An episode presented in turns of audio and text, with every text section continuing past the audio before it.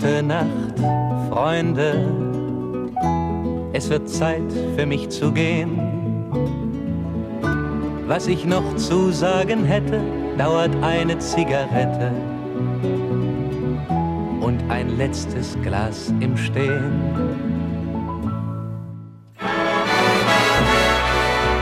Dit is Het Beste uit het Oog. De wekelijkse podcast van NOS met het oog op morgen. Buiten is het 21 graden. Binnen zit Mieke van der Wij. Hartelijk welkom bij Het Beste uit het Oog. We hebben weer vier mooie gesprekken en een fijne column gekozen uit de uitzendingen van afgelopen week.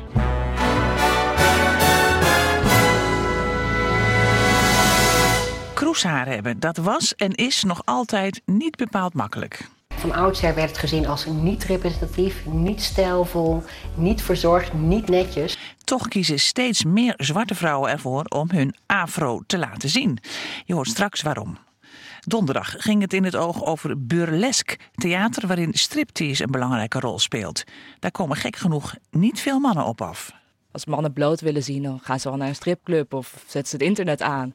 En vrouwen kunnen dat, die show heel erg veel meer waarderen, denk ik. Straks wijdt burlesque-artiest Vee Loren ons helemaal in in deze show. Maar nu eerst voetbalfraude in België. Want België is in de ban van een grote voetbalfraudezaak. Wedstrijden worden afgelast, voetbalmakelaars en scheidsrechters op het hoogste niveau worden verdacht van matchfixing. Lucella Carrasso sprak met voetbaljournalist Raf Willems over de rotte plekken in dat Belgisch voetbal. Als eerste vroeg ze welke onthulling hem het meest verraste. Het belangrijkste vind ik dat bevestigd is dat scheidsrechter mee, eh, scheidsrechters mee in de deal zaten. Dat hadden we nog niet gezien in België.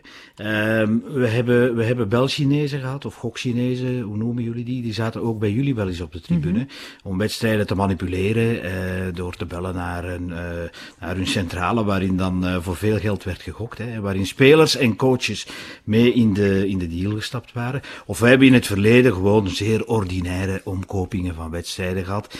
Maar dat scheidsrechters betrokken zijn, dat is nieuws in België. Ja, ze worden er in ieder geval van verdacht, hè? Er is toch nog geen echt... eh, het is nog niet bewezen, of wel? Ja, het gaat allemaal heel snel. Hè? Dus eh, op dit ogenblik tussen verdacht en in verdenking stellen is een juridisch verschil.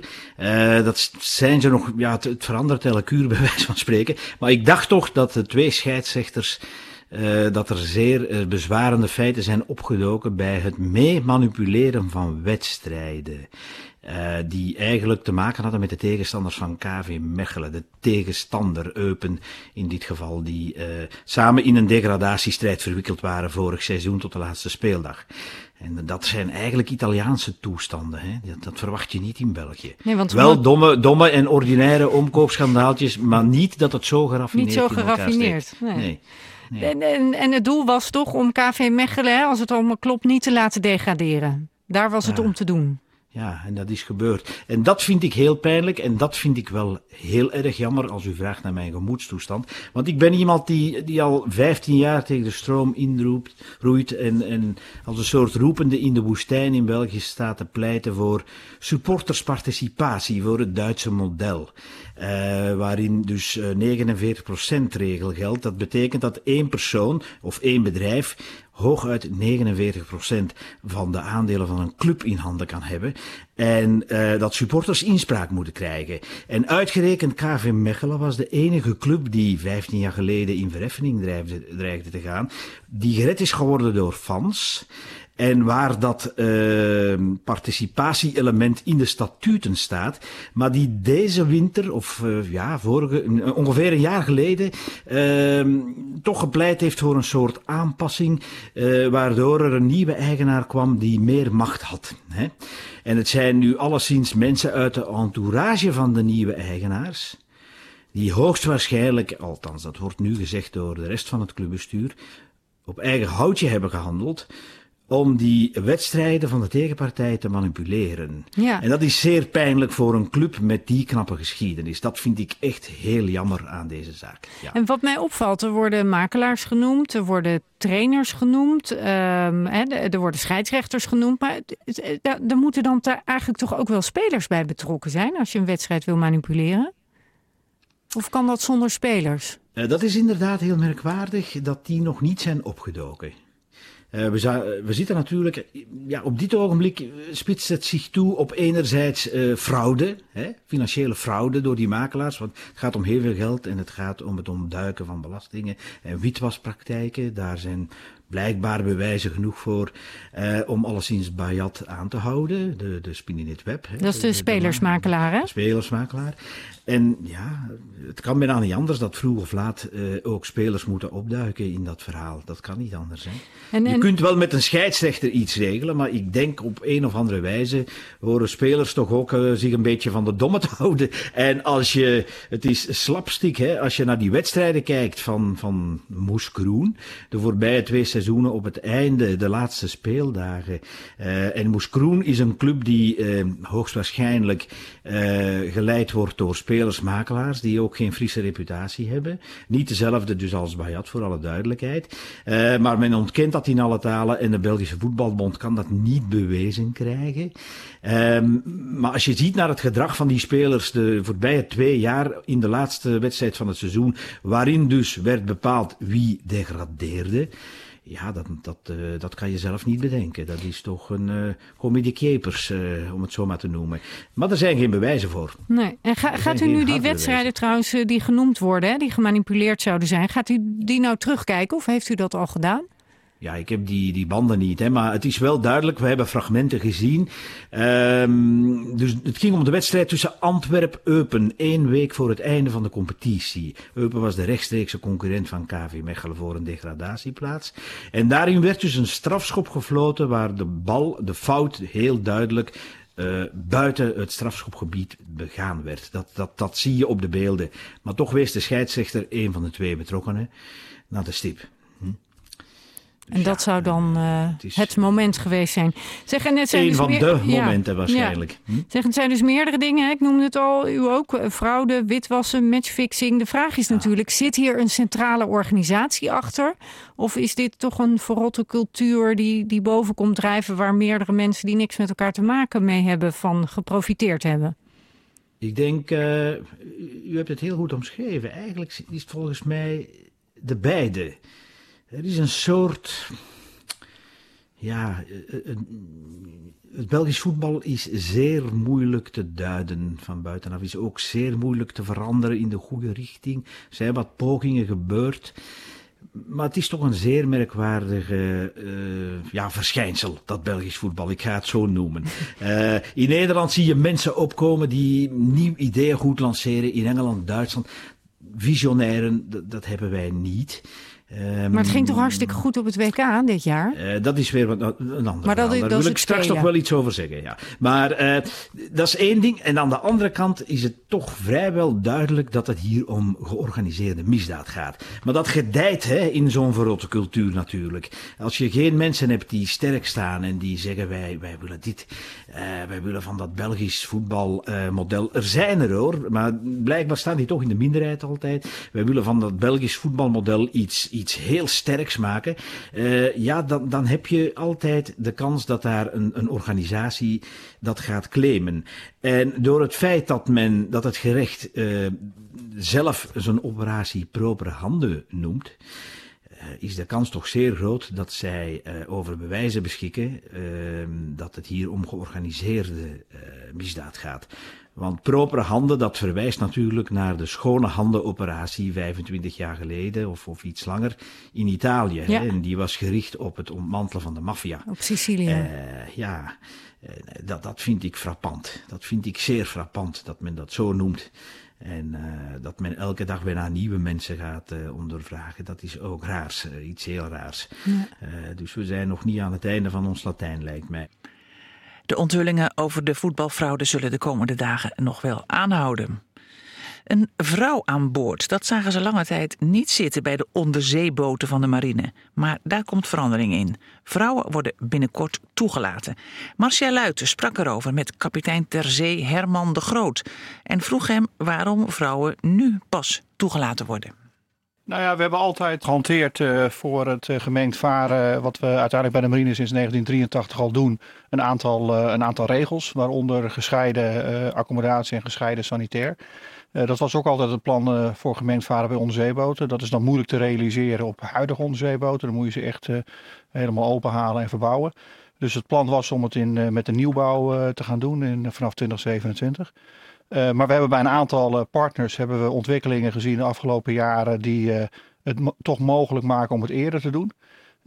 en het was nu een goed moment om daar wat actie op te nemen. Ja, u zegt het was vooral een, een, een, praktische, een praktische kwestie. Was er geen bezwaar bij die mannen? Want ik kan me voorstellen dat er iets als een echte mannencultuur op zo'n onderzeeboot heerst. Ja, er heerst altijd een cultuur op, op any kleine ruimte waar je een team mensen aan neerzet. Uh, ik denk dat, het, uh, dat wat we nu doen echt een weerspiegeling is uh, toch van een, van een maatschappelijke verandering, hoe we naar genderverschillen kijken. dat hebben we ook in het buitenland gezien, hè? met name uit uit de, de, de vrouwen die daar al voeren, onder meer bij de Australische marine en de Canadese marine, eh, kwam een hele duidelijke wens van ja, die zijn ook begonnen met gescheiden accommodatie en dat soort zaken. Uh, maar die zeiden van ja, als, jij, als jullie willen dat we onderdeel worden van een integrale bemanning, dan moeten we hier niet in een status aparte hier aan boord zitten. Dan, dan moeten we echt als in wat wij dan noemen het one of the crew concept, uh, moeten we dat gaan doen. Nou, dat concept gaan wij nu ook gebruiken. Uh, en zoals bij elke organisatorische verandering, ja, zal dat best even schuren, maar daar gaan we uitkomen. U zegt er zijn nieuwe regels nodig. Um, laten we even gaan kijken hoe dat, hoe dat is op zo'n onderzeeboot. Hè? Want met hoeveel mensen zit je daar bijvoorbeeld? Nou, op onze onderzeeboot zit je ongeveer met zo'n 60 man. En hoe groot is zo'n boot? Ja, de, boot, als je de buitenmaten neemt, is hij uh, zeg maar 67 meter lang en uh, 8,5 meter in diameter. Uh, maar als je naar het leefoppervlak kijkt, uh, dan praat je over, ja, je leeft met 60 man op 150, 160 vierkante meter. Dat is heel krap, hè? Ja, dat is krap. Dat ja. is krap. En dan, wat, wat, wat is je taak als je, zeg maar, heet dat matroos op zo'n onderzeeboot bent? Nou, je hebt, uh, je hebt alle rangen, hè, oh, ja. van, uh, vanaf de commandant tot aan, uh, aan de matroos. en ook een aantal dienstvakken. Dus je hebt TD'ers. Je, moet een, je moet elk oorlogsschip, en onze is daar geen uitzondering op. Het is alsof je een dorpje... Wat is een TD'er? Een, een, technische dienst, oh, ja. iemand uit de technische dienst. Kijk, je moet een, een, een oorlogsschip op zee, een onderzeeboot is daar geen uitzondering op, is een dorpje midden op de hei, zonder busverbinding. En in dat dorpje moet je alles doen. Dus je eigen brood bakken, uh, je eigen eten op tafel zien te krijgen, zorgen dat het licht aan blijft. Ja. Uh, en uiteindelijk zorgen dat je de dingen doet die je moet doen. Ja, dus dat is een hele facilitaire afdeling. Maar ja. wat is de taak van zo'n boot? Nou ja, we, we, doen natuurlijk een hoop. Hè. We zijn uiteindelijk de, de, de slagkracht van de marine, zoals het dan mooi heet. Hè. We varen rond voor als het echt pijn moet doen. Dan doen, kunnen onderzeeboten de tegenstander behoorlijk pijn doen. En, dan schiet die, uh, schieten we torpedo's. Torpedo's. En, en dat zijn behoorlijk zware wapens uh, waarbij uh, torpedo's toch echt schepen tot zinken brengen. Op een veel makkelijkere manier dan bijvoorbeeld als je een, een kanon zou gebruiken. Maar dat doet u niet elke dag. Dus als u nu ergens nee. door de wateren vaart, wat doet u dan? met name inlichtingen verzamelen. Oh, ja. Dat is ons métier. Ja, en um, dus op dat schip, hoeveel ruimte heb je eigenlijk voor jezelf dan? Als man of vrouw straks? Uh, nou ja, we, we, we, hebben tegenwoordig allemaal onze eigen kooi. Dat was vroeger ook wel eens anders. Uh, als je naar oudere type onderzeeboten krijgt, dan had je op onderzeeboten wat we dan noemen hotbunking. Dat betekent dat je eigenlijk met, uh, je werkt in een twee-divisiesysteem. Oh. Dus de ene werkt en de ander slaapt. Dus je deelt een bed? Dan, dan deelde je een bedje. Nou, dat hebben we al tijden geleden afgeschaft. We hebben tegenwoordig allemaal een eigen bed. Want dan kon je ook nooit fotootjes bij je eigen bed plakken. Ja, precies. En, en ja, die, dat bedje, dat is, jouw, dat is je privéomgeving. Dan moet je je wel wat anders voorstellen dan een bed thuis. Want een bedje op, een, op onze huidige onderzeeboot is 1,90 meter lang, 60 centimeter breed en even 50 centimeter hoog. Uh, maar dat is jouw stukje. Ja. Uh, en welke nieuwe regels zijn er nu nodig, nu die vrouwen aan boord komen?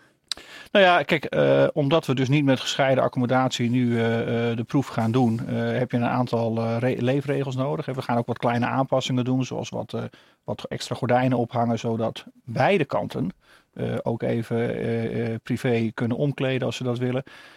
maar ook gewoon simpele regeltjes over wat is het minimale tenue aan boord. Als je, als je niet meer met alleen mannen leeft, dan zul je toch wat regels moeten opstellen hoe je van als je naar de douche gaat, hoe je naar de douche gaat. En hoe je uit de douche komt. Hoe verandert dat in de praktijk? Ja, Rent nu iedereen is een naki naar die douche? Nee, nee, nee, nee, nee. Ik bedoel, zo, zo erg is het ook niet. Nou ja, dit, Eh, maar eh, ja, je moet met wat, met wat andere dingen rekening houden. Dus we gaan, eh, we hebben de afgelopen maanden met een aantal werkgroepen bij elkaar gezeten om en naar de manieren hoe buitenlandse marines dit opgelost hebben en dat te vertalen naar de Nederlandse omgeving. En dan gaan we dan in het begin van het jaar op een van de boten gaan we dat testen. Die boot gaat eh, in het voorjaar eh, drie reizen maken. En, eh, en we zullen naar elke reis kijken. Hè, want wat we nu uitgedacht hebben is, is in de vergaderzaal uitgedacht. Ja, daar moet je, zoals wij altijd zeggen, dan moet je eerst zout water toevoegen. om te kijken of het op zee ook werkt. Ja. Nou, daar zullen vast nog wijzigingen op komen. Ja. En, dan, en dan uiteindelijk moet dat een werkend systeem worden. ja. Nu heeft het Nederlandse leger geen vlekkeloze reputatie als het gaat over de omgang met vrouwen. Een op de acht vrouwen ervaart seksuele intimidatie. Is dat iets waar u zich zorgen over maakt op zo'n onderzeeboot? Ja, weet je, ik kan me over heel veel dingen zorgen maken. Waar, het om gaat is dat we het goed moeten begeleiden. Eh, dat we er eh, goed over moeten praten met iedereen. eh, dat iedereen ervan overtuigd moet zijn dat dit iets is wat we, wat we uiteindelijk moeten willen. En vervolgens zul je het gewoon moeten gaan doen en, en, en je ogen en oren open houden. Kijk, een onderzeeboot is een hele kleine omgeving. Er zijn weinig dingen. eh, privacy is niet, is niet alleen iets van een bedje voor jezelf hebben. Het is gewoon een hele kleine sociale omgeving. Dus, dus als je daar gewoon je ogen en oren gewoon open houdt, dan, eh, dan denk ik dat we daar echt uit gaan komen. Ja. En ehm, staan er vrouwen te, te popelen om aan boord van een onderzeeboot te gaan? Ja, eigenlijk bij elk jaar als we werven, eh, dan zijn er eh, eh, vrouwen die gewoon aangeven van mocht dit ooit gebeuren, dan eh, mocht het ooit mogen, dan geef me een belletje. U had een Eh, wachtlijst. Ja, we hebben, nou, ik wil niet zeggen dat, er- dat, dat ze met, met duizend man bij de Moormanbrug staan, maar eh, dat is de brug de basis op bij ons. Ehm, eh, maar het is wel zo dat er wel degelijk animo is. Kijk, uiteindelijk hebben onderzeeboten iets mystieks. Zo ben ik zelf ook ooit begonnen. Het is iets eh, wat, eh, wat toch aansprekend is. En, en ook dat is niet genderspecifiek. Nou, dames, aanmelden maar. Theater Carré was afgelopen week het decor van Dita Fontese, de koningin van het zogenaamde burlesque. De Nederlandse burlesque-artiest Loren vertelde aan Lucella Carrasso hoe zo'n show in elkaar zit. Burlesque, eh, eigenlijk in deze tijd, hoe we het nu kennen, is een kort, kort stuk van eh, ongeveer 5 tot 10 minuten. eh, vaak opgevoerd door een vrouw. waarin een bepaalde sterke, sterke vrouw centraal staat. In al haar vormen en leeftijden, dat maakt niet uit. Ehm, wat een dans, dans-theatershowtje is, waarbij ze eigenlijk zich uitkleedt of een striptease laat zien, maar wel echt met de nadruk op het teasen. En het blijft ook vaak klassiek en het moet en mooi. Eh, en die nadruk, ja, dat is echt op het teasen, niet per se op het uitdoen, maar op eh, ja, dat het wat je niet kan zien eigenlijk, juist. En, en was dat vroeger anders? Want jij zegt wat het nu is. Hoe, hoe oud is de burlesque dans? Ja, burlesque komt van het woord burla en dat is ontstaan in Italië rond 1600. En toen was het eigenlijk meer een, ja, een cabaretstuk waar ook veel eh travestie bijvoorbeeld in voorkwam en veel meer de nadruk werd gelegd op het komische. En dat is op een gegeven moment ook naar Engeland verhuisd. En daar werd het ook, bleef het eigenlijk een beetje in dat komische of eh, rare karakters of uitvergroting van karakters. En dat is rond 1860 naar Amerika verhuisd. En daar kwam steeds meer dat striptease in voor. Eh, werd eigenlijk dat vrouwen striptease afgewisseld met comedian acts. En, en waar werd dat in Amerika doorgaans opgevoerd? In, in wat, bij wat voor gelegenheden? Ja, dat werd in, in bar, barretjes opgevoerd, maar ook eh, ja, in, in theaterzalen. Eigenlijk als een soort tegenreactie tegen de meer vaudeville, de mooie shows. Ja, het mocht net iets prikkelender zijn. Ik heb ook de associatie met Moulin Rouge in Parijs. Klopt dat? Of is dat weer een ander genre? Ja, ik vind dat dat er heel goed bij past. Dat, dat heet dan kan-kan, maar eh, ik vind dat dat qua stijl heel goed overeenkomt met burlesque. En vaak wordt er ook naar gerefereerd binnen burlesque. Ja, alleen minder striptease daar, denk ik. Hè? Is dat dan het verschil? Ja, ja het, het is eh, niet een directe striptease, maar het is een grotere show. Eh, wat burlesque voor mij heel erg is, is dat het echt een solo-artiest is of een groep die echt zelf eh, de shows ook maken en daarvoor instaan. Om het op die manier te laten zien. En je, en je zegt ook, het, het, het draait om een sterke vrouw. Ja. Ehm, speel je een sterke vrouw of moet je ook echt een sterke vrouw zijn om het te kunnen uitvoeren? Ja, ik denk dat je wel ook een sterke vrouw moet zijn om het te kunnen uitvoeren. Want je geeft jezelf toch ook bloot. Uh, en daar moet je comfortabel mee zijn. Daar moet je mooi mee kunnen spelen. En, ja. Want wat, wat versta jij dan onder een sterke vrouw? Als je zegt het draait om een sterke vrouw? Uh, dat je nou, niet echt bang bent voor kritiek. Dat je daar durft te staan. Uh, dat je je eigen kunst ook kan laten zien. En het gaat ook niet alleen maar over het optreden zelf. De meeste burlesque artiesten zijn ook hun eigen manager. Die ontwikkelen hun eigen shows. Alles erop. Is, ja, is dat bij jou ook zo? Ja, uh, ja de meeste burlesque artiesten doen alles zelf. Dat is ook de meest perfectionisten volgens mij. Dat, uh, ja, juist al het creatieve wat bij elkaar komt, dat, dat kan hij lekker uiten in burlesque. Wie, wie zit er doorgaans in het publiek? Wat is jouw ervaring? Het zijn meestal vrouwen. En ook mijn boekers en mijn publiek, volgers, dat is eigenlijk 80% uh, vrouw. Terwijl, ja, stereotyp gezien zou je misschien de mannen denken. Wat, Ja. wat is jouw verklaring daarvoor? Nou, ik denk dat vrouwen juist eh, het heel erg waarderen dat vrouwen mooi kunnen zijn, hoe dan ook, wat voor vorm ze hebben, welke leeftijd ze hebben. En dat dat heel erg inspirerend is voor vrouwen. Als mannen bloot willen zien, dan gaan ze wel naar een stripclub of zetten ze het internet aan. En vrouwen kunnen dat, die show heel erg veel meer waarderen, denk ik. En, en de show is in, hè, nu van Dita Fonties, is in Carré. Is Carré, denk je, geschikt daarvoor? Het is natuurlijk best een groot, Ja. grote zaal. Ja, het is een grote zaal, maar het zijn twee avonden die binnen 15 minuten zijn uitverkocht. Dus ja, wat dat betreft had het nog wel groter gekund eigenlijk. Wat, wat zou je nog van haar kunnen leren? Of waar ga jij op letten? Nou, ik vind het, eh, zij komt echt met een hele grote entourage hierheen en heel veel decor. En dat vind ik wel heel ontzettend gaaf om te zien. Dat, dat bestaat helemaal niet in Nederland. Want, Zij- want wie zit er in haar, of wat zit er in haar entourage? Er zijn eh, Dirty Martini, dat is bijvoorbeeld ook een eh, andere burlesque artiest. Die staat heel bekend omdat ze wat voller is, maar wel een ontzettend goede danseres. En die dan op spitsen kan staan en nou, dat kan dansen. En dat is een heel, ja, voor mij heel leuk om te zien. Ja, je hebt dit gewoon niet in Nederland of eigenlijk in Europa. Zo'n grote show die, hier, die hierheen komt. En je gaat eh, morgen of, of overmorgen? zaterdag. Zaterdag. Nou, ik zou zeggen, geniet ervan. Van het optreden van eh, Dita Fonties. En dank voor jouw inkijkje in eh, de wereld van burlesque anno 2018. En ook in het verleden. Vee Lauren, dankjewel. In plaats van hun haar te relaxen of te straighten, kiezen zwarte vrouwen steeds vaker voor de big chop. Ze scheren al hun chemisch behandelde haar af voor een natuurlijke kroes. Maar dat is nog best een stap, vertelt Sherina Leerdam aan Herman van der Zand. Ze maakte een documentaire over die big chop en was te gast samen met Janice Deul, die eerder het Little Black Hair boek schreef. Nou, de big chop betekent eigenlijk eh, dat je al je chemisch behandelde haar afknipt. En eh, chemisch behandeld is ja, relaxer, noem je dat.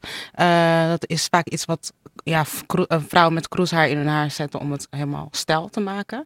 Ehm, daardoor kan je haar wel enorm beschadigen.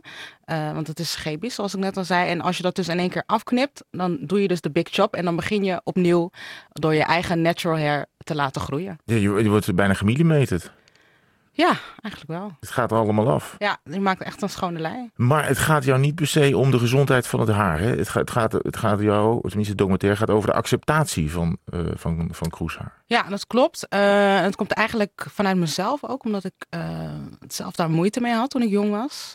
Ik werd 12 en ik ging naar de middelbare school. Ik had altijd vlechtjes in mijn haar. En toen dacht ik, nee, ik wil dit niet meer. Ik wil er ook bij horen. Ik wil ook lang, sluik haar hebben. En toen ging dus ook mijn haren relaxen.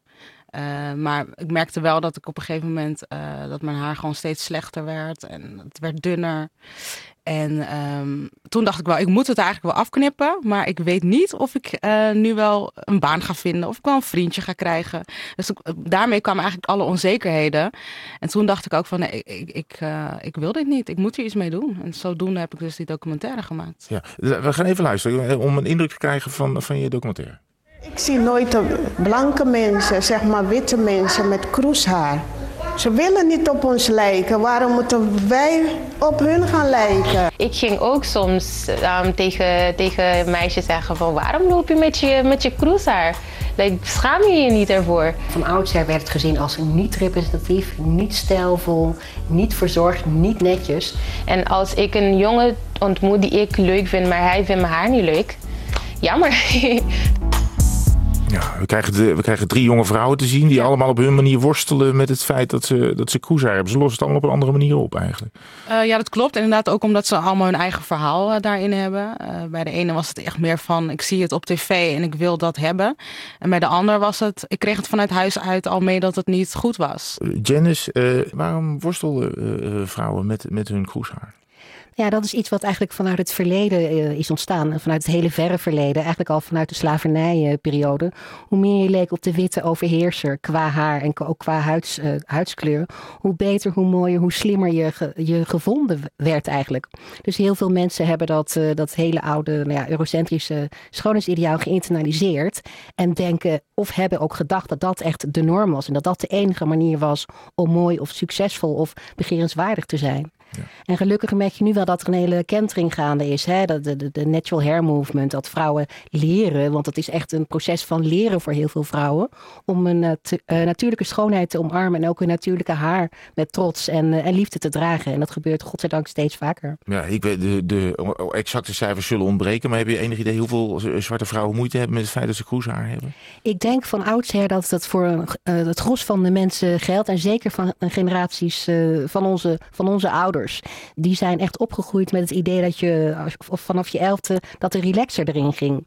We hebben voor Wat is de relaxer? De, de relaxer, de ontkroezer. Ja. Dat het haar stijl gemaakt moest worden, hoe doe je zeg dat, maar. Hoe doe je dat allemaal? Nee, wat Schina net zei, met chemische middelen. Het kan ja. tegenwoordig ook plantaardig. Maar dus echt, ja. je kent het permanent wel. Nou omgekeerde permanent. Dus ook zo'n sterke geur. En heel, uh, men doet het haar echt uh, geweld aan om het zo strak mogelijk te laten zijn. Dus wij hebben voor het boek echt mensen geïnterviewd die uh, zeggen van... Nou ja, ik heb het haar van mijn moeder nog nooit in natuurlijke staat gezien. Omdat het zo gewoon is dat dat, om, dat, dat ontkroest werd. En ook altijd ontkroest gedragen werd.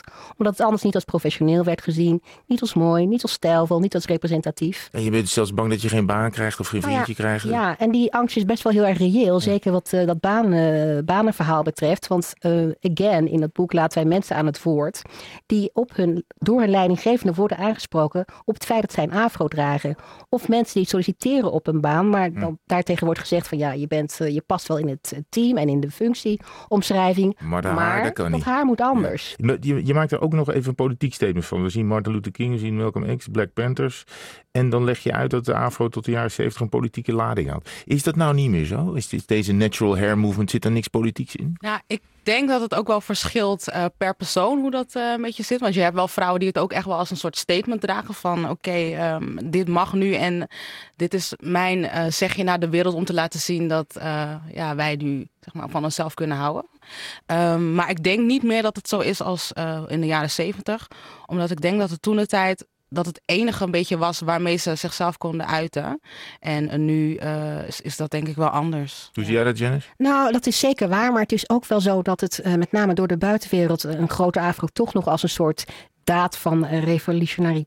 Revolution, ja, revolutionaire daad wordt gezien als daad van verzet. Hè. Mensen linken toch een afro heel erg aan de jaren zeventig. Het wordt ook als een retrokoep uh, beschouwd. En uh, het feit dat je bijna nooit een grote afro op de cover van een modeblad ziet, zegt natuurlijk genoeg. Als je al een zwarte vrouw ziet met natuurlijk haar, is dat heel kort afgeschoren. Blijkbaar is natuurlijk haar en dan echt big hair niet, niet fashionable of niet stylish uh, genoeg. Ja, wie, wie, wie, is, wie is nou de, de, het grote afro-model van nu? Bestaat dat? Uh, ja, er zijn er meerdere. Je hebt een hele, ja, een hele host zeg maar, aan Zuid-Sudanese modellen. Maar die hebben eigenlijk allemaal heel kort geschoren haar. En dat is dus eigenlijk weer dat we... hebben de Big Chop net achter de rug. ja, ja de, en die doen elke week blijkbaar de Big Chop. en, of de iets minder Big uh, Chop. Maar ja. uh, dus blijkbaar zijn we nu binnen die, dat hele diversiteitsverhaal weer nieuwe, uh, een nieuw stereotype beeld van de zwarte vrouw aan het creëren. Namelijk met dat hele kort geschoren haar. Wat ik heel erg jammer vind. En jij natuurlijk ook, ook. Ja. Omdat juist zwarte vrouwen net zo divers zijn als, nou ja, noem maar op. En je zoveel meer met dat haar kan doen. Tot slot de leiderschapswissel bij D66. Alexander Pechtold zwaaide af als fractievoorzitter en de 31-jarige Rob Jetten volgde hem op. Op het partijcongres kondigde Pechtold zijn afscheid aan. Onze politiek columnist Patrick Nederkoorn heeft genoten van die dag.